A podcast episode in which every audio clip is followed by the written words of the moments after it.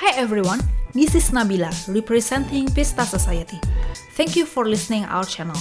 Podcast ini kami buat khusus untuk para profesional, business owner, dan setiap orang yang ingin terus belajar tentang bisnis, inovasi, dan marketing. Langsung dengan sumbernya, para praktisi di setiap episode dengan senang hati membagikan ilmu untuk Anda. Hello everyone, welcome to Pista Society Ideas for Changing.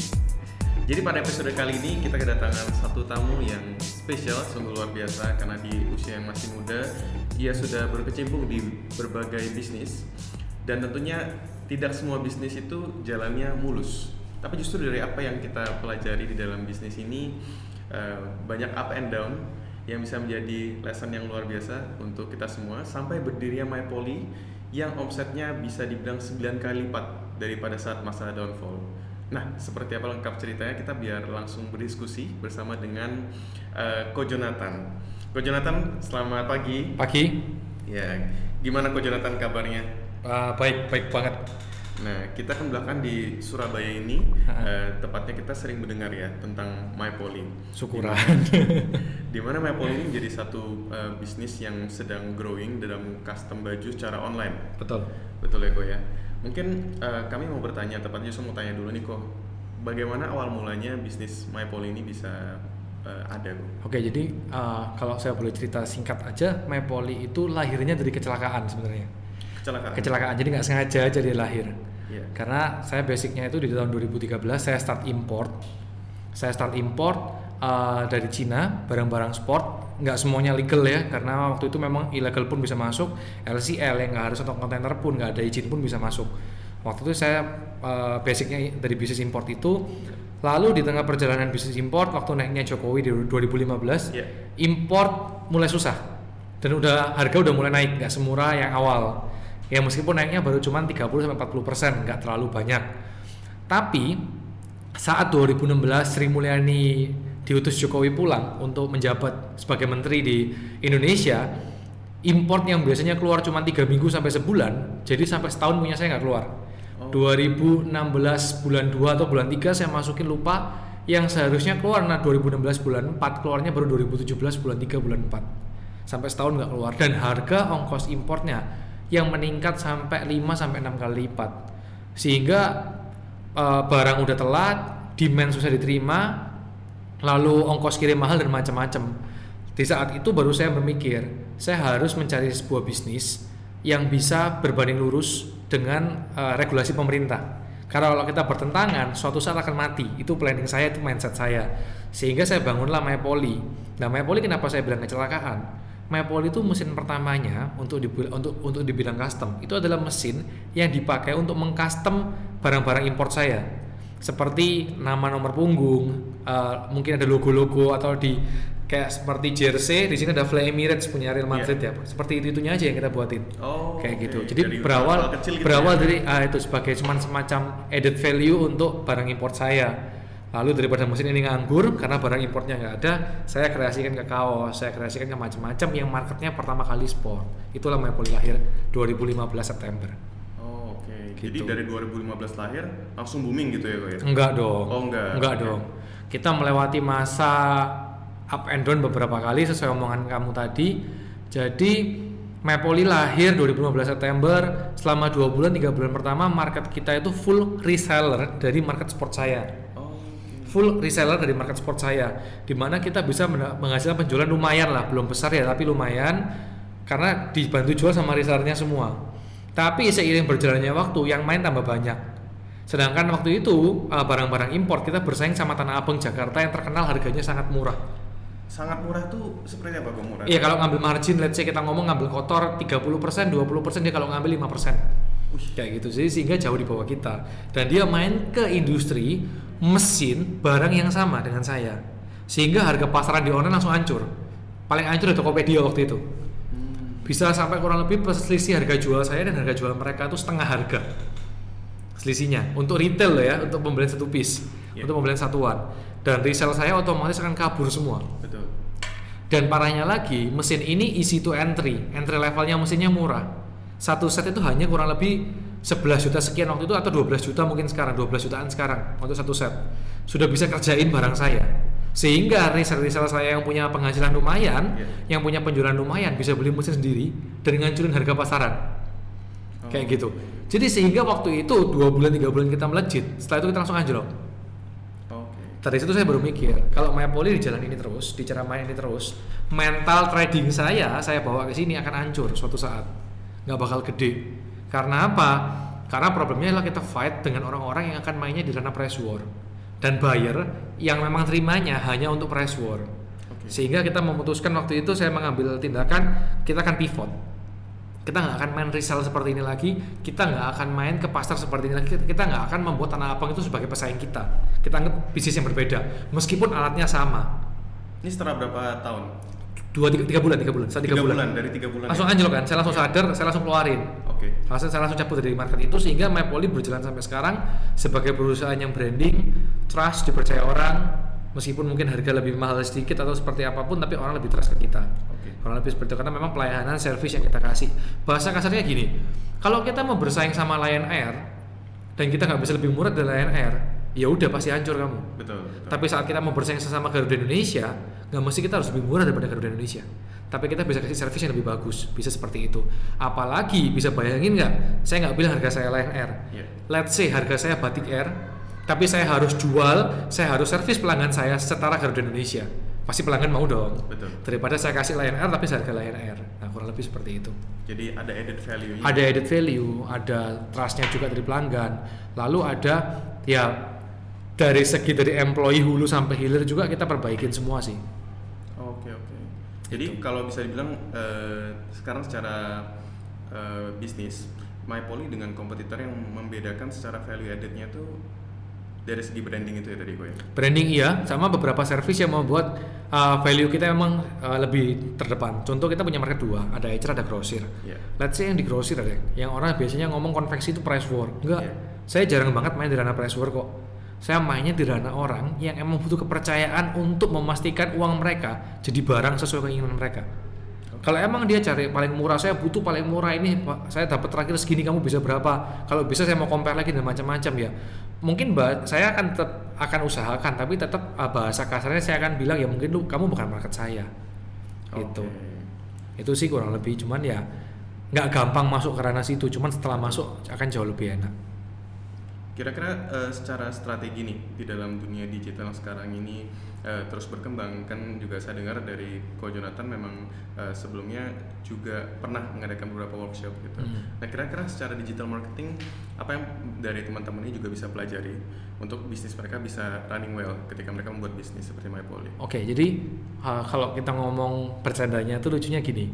Banyak orang yang usianya mungkin sudah 40 lewat, 50 lewat ya, yang ya teman-teman orang tua saya mungkin iya, terus ada saya juga punya teman-teman yang usia sekian juga iya, terus dulu juga uh, bayar-bayar barang sport saya atau distributor saya yang di ITC, PGS, luar pulau dan macam-macam juga yang usianya sekian akan ngomong hal yang sama. Zaman Jokowi pasar sepi, zaman Jokowi lebaran aja nggak rame. Iya. banyak banget yang ngeluh seperti itu. Padahal saya cuma ngomong satu bukan zaman Pak SBY pasar lebih rame loh tapi zaman Pak Jokowi behavior orang belanja nggak di toko orang sudah beralih ke online lebih banyak. Sehingga yang main di online semua pasti bilang saat lebaran ramenya banget. Sampai 10 kali lipat sampai lima kali lipat. Tapi yang toko sepi podo ae, bahkan menurun dan macam-macam Iya. sehingga menurut saya bukan daya beli orang rendah bukan zaman Jokowi pasar sepi atau ekonomi rusak. Tapi di zaman Jokowi pas behavior orang itu sudah mulai ke online. Situ Oke. apalagi yang barang-barang umum. Mungkin kalau mungkin kalau bahan bangunan contohnya mungkin masih orang masih pengen ke toko tapi ya kalau kayak fashion hijab kaos kemeja celana dan macam-macam mayoritas orang belanja online sehingga kalau kita masuk ranah online harusnya sih naik gitu Oke oke. Berarti eh, yang mereka perlu pertimbangkan juga untuk bagaimana mereka bisa masuk dengan baik ya ke Betul. dalam ranah online itu. Betul. Nah kira-kira ada tips buat eh, Ah. para pendengar ini kok? Oke, jadi kebi- kebiasaan kalau sekarang saya ngomong atau sekarang masih mendingan lah, kurang lebih awal-awal tahun ini atau tahun kemarin kalau saya ngomong, apalagi sama usia yang udah lebih lanjut ya, Iya. em, lebih senior dari saya juga, bro atau Joe, eh, kamu jual lewat mana atau kamu bisnis apa? Saya selalu bilang saya ya, bisnis Mapoli ini saya jualnya lewat online dan mereka selalu bilang enak ya lewat online nya nggak bondo, tinggal upload laku. itu omongan mereka enak banget tinggal buat Instagram upload laku langsung rame dan macam-macam saran saya cuma satu orang yang ngomong kayak gitu coba deh. Saya yakin Instagram kamu nggak ada trafficnya. Sampai kapan pun mungkin followersnya naik 10, 15 Iya. pembelian juga hampir nggak ada. Karena nggak se-easy itu gitu loh jual online itu nggak upload laku. Mungkin 2014 2015 mungkin iya. Karena pesaing dikit di online sehingga upload laku. Iya. tapi di tahun-tahun sekarang kalau yang ngomong upload laku itu nggak ada. Hmm. kamu pasang harga serendah pun serendah apa pun tetap nggak mungkin upload laku karena butuh trik and trick khusus di situ. Ada namanya digital marketing ada social media marketing ada macam-macam di situ. Yang butuh biaya juga lumayan per bulan untuk budget yang perlu dikeluarin. Kayak gitu. Dan itu banyak yang harus butuh tim sendiri juga untuk membangun timnya di situ. Sehingga nggak semudah itu upload langsung laku. Makanya kebanyakan orang sekarang itu aku mau masuk online. Tapi aku udah nyoba buka buat website buat Instagram dan macam-macam tapi nggak laku. Terus mesti apa gitu jadi saran saya satu kuasai digital marketing itu penting Hmm. gitu Berarti mindsetnya yang perlu diubah ya. mindset yang perlu diubah mindset perlu diubah sama knowledge mereka juga harus tahu sih apa yang mesti dilakuin Betul betul. betul. gitu Memang betul ya. Berarti eh, secara mindset, secara knowledge itu mereka perlu kuasai. Nggak Iya. hanya sekedar upload aja atau buat website aja, nggak Betul. hanya penampilan bagus, tapi Betul. bagaimana strategi untuk bisa eh, get the market itu ya. betul betul Kira-kira kalau eh, menurut Ko Jonathan, konten itu penting nggak kok?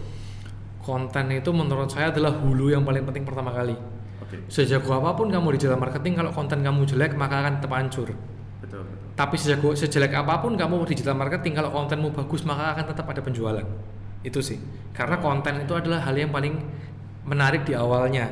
Karena sehebat apa pun kamu membuat sebuah target di digital marketing, kalau konten kamu jelek maka akan tetap jelek. Tapi misal konten kamu udah bagus banget, tapi kamu nggak jago ngiklan, salah memasang tempat atau macam-macam, tetap akan ada feedback yang bagus di situ. Dan eh, memang problem terbesar orang adalah di konten. Karena nggak semua orang bisa bikin konten dengan baik termasuk Mayapoli juga lagi belajar di situ. Oke. kayak gitu. Berarti eh, cukup penting, tapi memang strategi cara untuk masuk ke pasarnya itu juga yang perlu juga di- penting. Ya hulu hilirnya penting semua sih. Betul. cuman konten itu adalah hulu- paling hulunya pertama kali. Nggak punya konten nggak usah ngiklan. Nggak usah beradvertising kontennya dibuat dulu baru beradvertising maka kalau orang tanya penting mana endorse apa ads penting endorse dulu hasil endorse mau di ads Betul. betul. itu Karena kalau nggak ada bahan mereka ya sebenarnya ya. betul nggak bisa kamu jualan di sosial media itu foto lantai diupload kayak gitu loh bahasa kasarnya Betul. Kenapa seperti itu? Karena sosial media bukan tempat untuk berbelanja. Sosial media adalah tempat untuk jalan-jalan, browsing, cek temen, cek kerabat, cek keluarga, cek pacar, cek mantan, apa pun itu. Tujuannya hanyalah untuk melihat berita, melihat apa yang dilakuin dan macam-macam, bukan untuk shopping. Iya. Kalau orang shopping paling nggak ke Tokopedia atau shopping misal eh, ke toko, sebuah toko apa pun itu eh, platformnya. Kalau kayak sosial media itu bukan buat shopping, buat jalan-jalan. Tapi gimana saat jalan-jalan mereka mau nyangkut dan shopping lah itu yang PR. Betul. Gitu. Jadi konten punya andil di situ. punya andil di situ. Oh. Biasanya orang bilang tiga detik pertama tuh penting. Tiga detik pertama. Kalau video, kalau foto, fotonya penting sama tiga detik pertama di headline tuh penting bacanya. Hmm. Headline-nya apa? Gitu itu penting. ya apa apa di dalam apa pesan yang mau disampaikan di situ Betul, ya. iya. Nah, Oke, kok dengar-dengar kan eh, sebelumnya kita eh, dapat cerita bahwa My Poly ini eh, sekarang mengalami satu peningkatan omset 9 kali lipat dari sebelumnya. Nah, berarti Dua tahun ya? Dalam dua, Dua tahun, tahun, terakhir iya. ini ya. Ah. Berarti sebelumnya pernah mengalami eh, downfall juga kok. Ya, jadi ceritanya itu eh, agak panjang, agak panjang. Saya sempat ketipu sampai habis total keseluruhan rekening cash, keseluruhan rekening cash, no piutang ya, nggak ada piutang. Keseluruhan rekening cash cuma sisa tiga setengah juta, uang pribadi, uang perusahaan. Itu di tahun 2000 2017 Oktober terakhir di situ. Jadi eh, dari Sri Mulyani pulang, barang-barang impor saya mulai susah. Eh, lalu di situ ada cicilan. Salahnya saya waktu waktu waktu masih muda dulu, lebih muda dari sekarang ya, waktu barang-barang sport itu Iya. kita nggak jago mengontrol keuangan sehingga ngambil cicilan terlalu banyak di luar kemampuan. Sehingga saat sebuah usaha itu bermasalah, mulai jatuh ataupun mulai susah untuk survive, kita punya tanggungan yang tetap sama harus dibayar tiap bulan. betul. Nah, sehingga Maya Poli waktu itu sangat nggak sehat hidupnya, disedot terus teman-terus setiap bulan oleh cicilan. Yang di mana seharusnya uang perusahaan dan uang pribadi nggak boleh dicampur. Betul. Waktu itu kecampur. Ini masukan ya buat penonton semua. Jangan pernah campur uang pribadi- pribadimu sama uang perusahaan. Karena kalau pribadimu kenapa-napa perusahaanmu bisa mati. Dan itu bahaya, maka ke depannya mau akan mati gitu loh.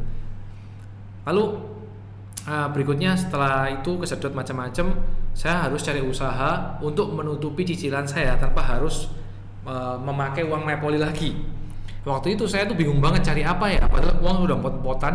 Kalau kita testing and trial lagi dengan modal baru, yang saya takut kalau nggak jalan gimana? Betul. Tambah kejerumus dong. Betul. Sehingga yang saya pikirkan adalah saya akan cari usaha yang instan.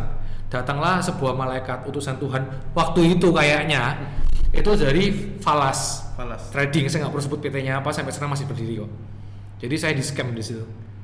Di scamnya di mana saya eh, modal cuma 100 juta, saya ikutin tiga bulan pertama saya dikasih untung cukup besar.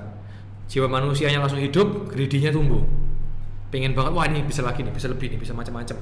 Meskipun saat itu hati kecil udah berkata stop, stop, stop, udah untung, udah stop. Tapi tetap godaan manusiawi itu lebih kuat daripada godaan yang yang lurus ya, melenceng itu lebih lebih lebih enak kelihatannya. Enak, iya. Kayak gitu akhirnya. Apalagi udah berasa dapat ya. Betul. Akhirnya saya memikir saya jago kok. Buktinya saya dari beginner saya coba berunt- uh, saya langsung jago. Padahal kalau orang bilang itu cuma beginner luck. Kalau saya bilang cuma dikasih enak pertamanya, sama kayak orang judi dimenangin dulu, modal kecil, modal besar dihabisin, kayak gitu. Lah sama. Setelah saya menangin, saya tarik semua uang saya. Saya nggak mau lanjut. Saya tarik, sudah tiba-tiba dari kepala perusahaannya datang bawa proposal baru dengan uang yang berkali-kali lipat dari sebelumnya. Iya. Ini peluang bagus kok, ini pasti cuan, pasti cuan, pasti cuan, pasti cuan. Saya masukin habis.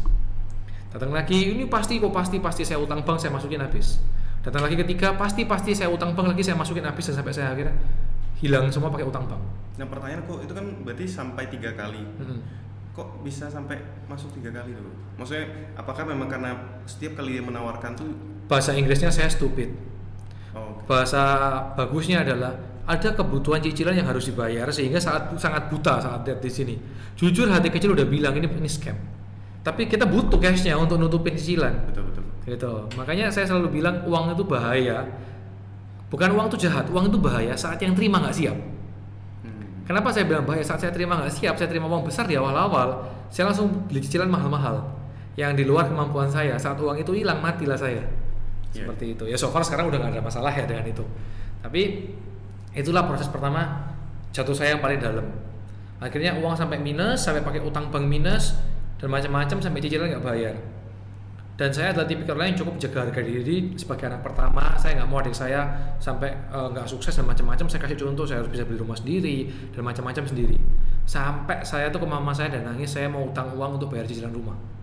Saya ada duit sampai yang paling lucu saya mau ikut workshop saya 8,8 juta saya nggak bisa ikut uang cash saya sisa tiga setengah juta dari seluruh perusahaan plus uang pribadi sedangkan utang masih ada 300 juta piutang nol minus. piutang nol utang 300 juta Oke. Terus kita harus ke mana coba? Nggak bisa gerak, habis di situ. Nah dari situ barulah bangkit dari jatuh ke puruk gitu.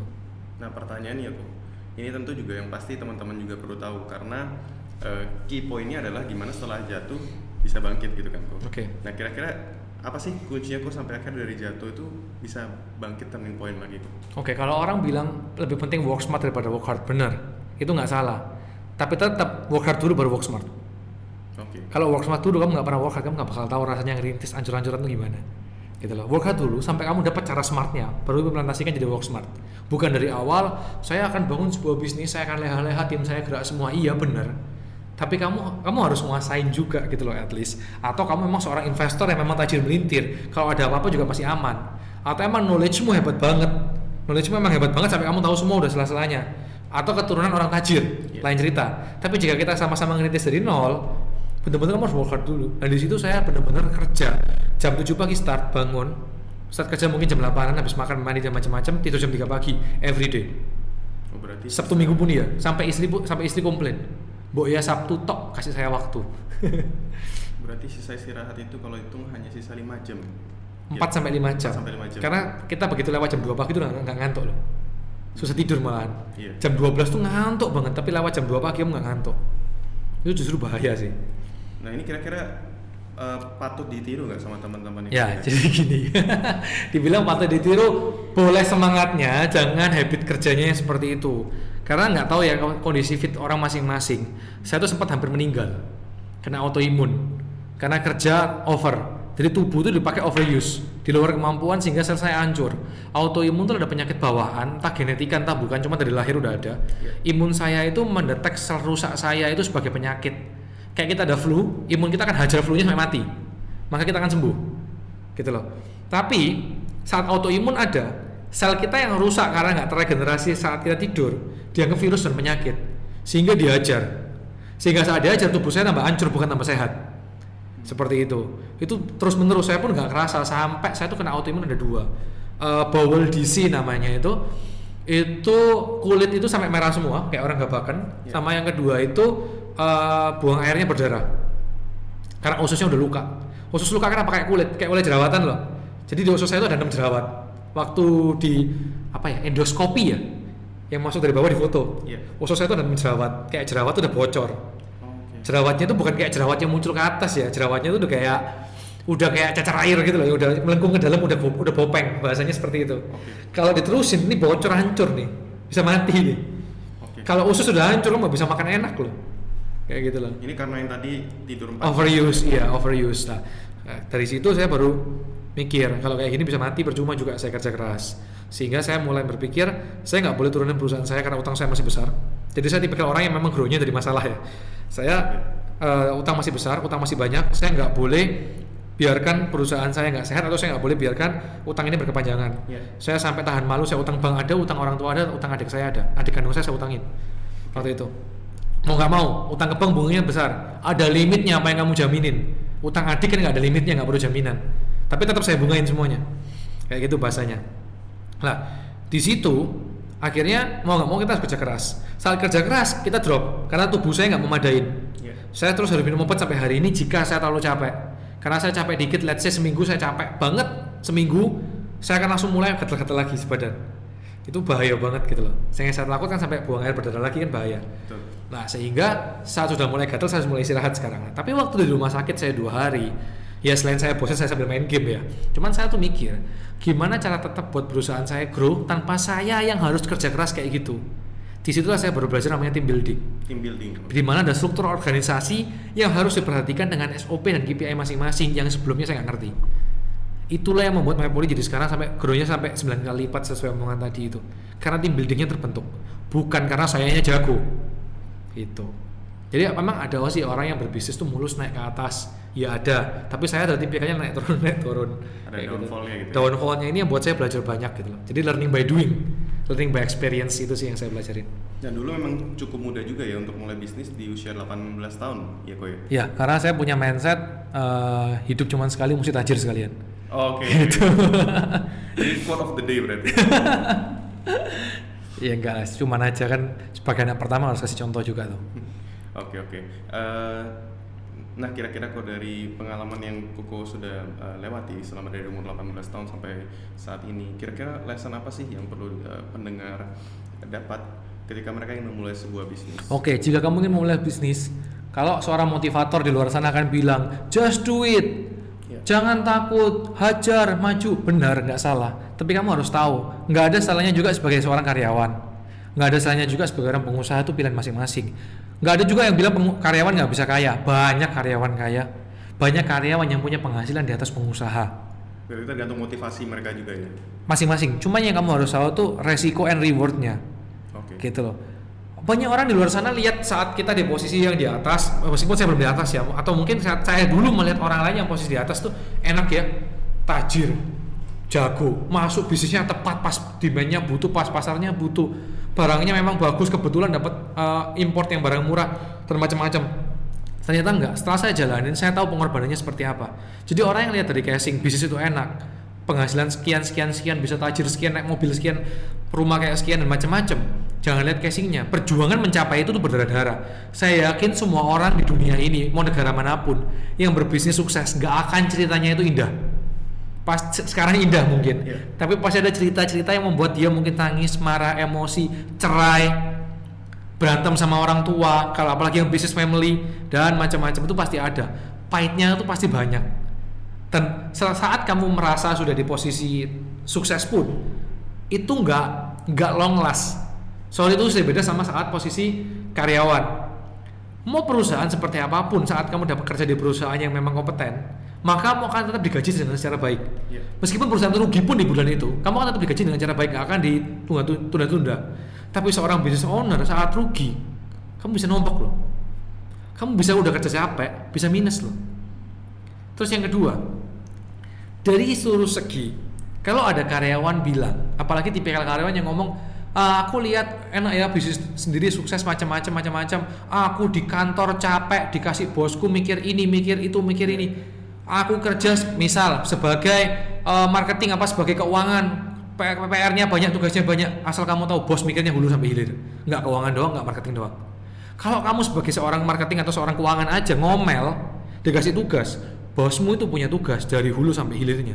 Mungkin kalau produksi dari hulu juga sampai hilirnya. Dan itu dipikir semua dalam satu hari dan setiap harinya seperti itu. Jadi kalau kamu ngomong enak enggak. Kayak gitu loh. Jadi kalau saat kamu mau bisnis sendiri pengen sukses dari sebuah bisnis nggak apa-apa tapi kamu harus siap menerima pahitnya saya selalu bilang dengan semua tim saya saat mau sukses nggak ada yang mulus gronjalnya udah paket Betul. ceglungannya di tengah jalan batunya ada pakunya keinjek udah paket kalau mau mulus mulus terus cuma satu jadi babi jaga lilin tiap malam gitu Nah, kok kan tadi eh, Koko bilang, oh iya, kalau bisnis itu kan banyak sulitnya. Ada dari awal sampai akhir untuk bisa mencapai satu kesuksesan itu. Koko kan mengalami begitu banyak eh, beberapa kali kegagalan hingga akhir bisa naik lagi. Eh, tapi waktu di momen-momen Koko gagal beberapa kali tadi, kenapa Koko masih mau berbisnis? Kenapa nggak Koko pilih jadi karyawan saja? jujur saya juga sudah lima kali pengen nutup ini bisnis Oke. sudah beberapa beberapa kali berpikir apakah enak jadi karyawan ya. Tetap kita ngaku apa adanya sebagai business owner pun saya punya pola pikir sedemikian beberapa kali. Sekarang enggak udah dulu. Karena masalah yang kita terima juga di luar kapasitas saya juga beberapa kali. Tapi saya tahu di situ kalau kita yang percaya sama pencipta kita kita bahasanya tuh positifnya dites buat lebih pinter.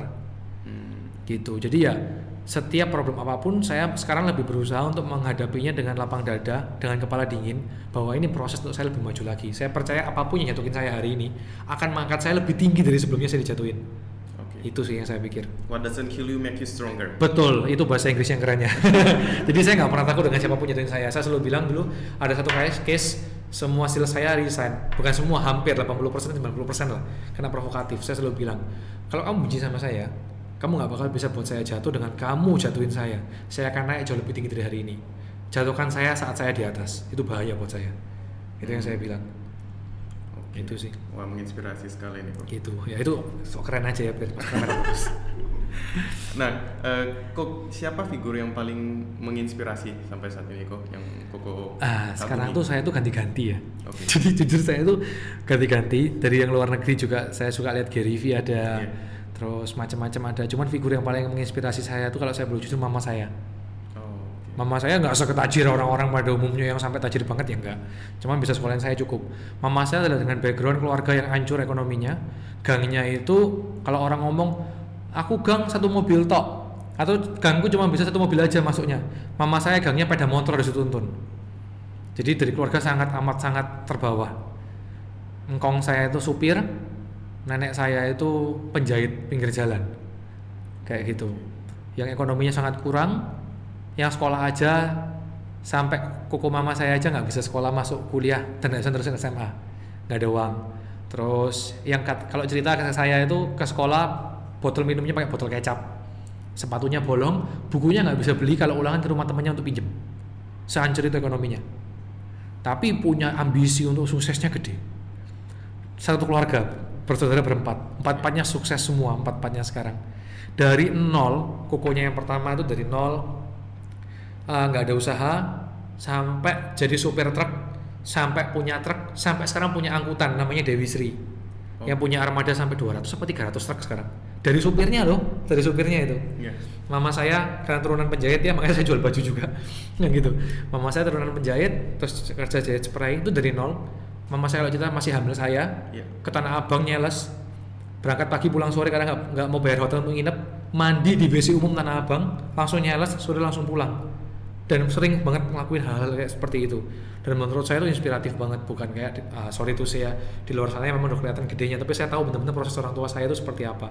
Sehingga dari kecil itu mindset ditanamin ke saya. Kenapa saya bisa ngomong seperti ini? Saya mulai SMP diwajibin kerja.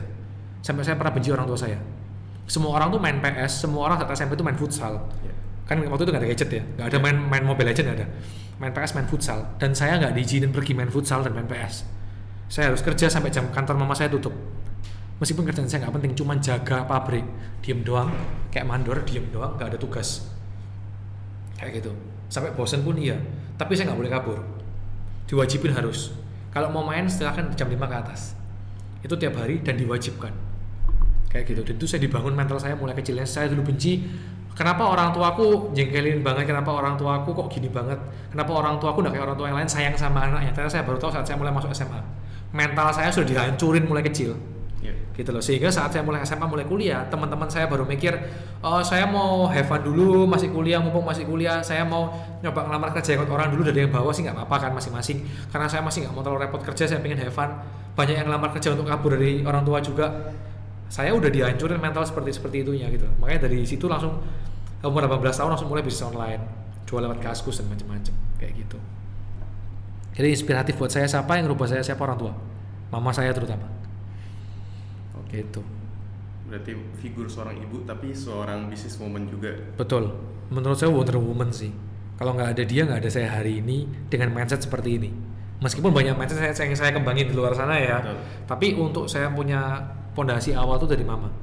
Yang ngancurin saya udah ngomong saya dulu kalau pernah mikir ada teman yang bilang hati-hati eh, kalau jangan sampai gila harta mati nggak bawa uang yang penting dekat sama Tuhan. Nggak salah sih. Cuman mama saya selalu bilang anak cowok pertama hidup cuman sekali harus sukses. Karena orang tuh dihargain orang dari kesuksesannya bukan uang. Karena uang warisan juga ya gitu-gitu aja. Betul. tapi dari apa yang kamu achieve dari usahamu itu cara, cara kamu dihargai orang. Itu yang saya selalu pegang sih. Luar biasa Itu. sekali kok. Nah, kita sampai ke satu penghujung nih. Di penghujungnya kita mau bertanya hal yang eh, cukup menarik ya. Satu question ini, apa kira-kira kok value yang paling powerful di musim hidup saat ini dan kenapa? value dari segi apa nih segi bisnis apa segi manusianya Secara personal.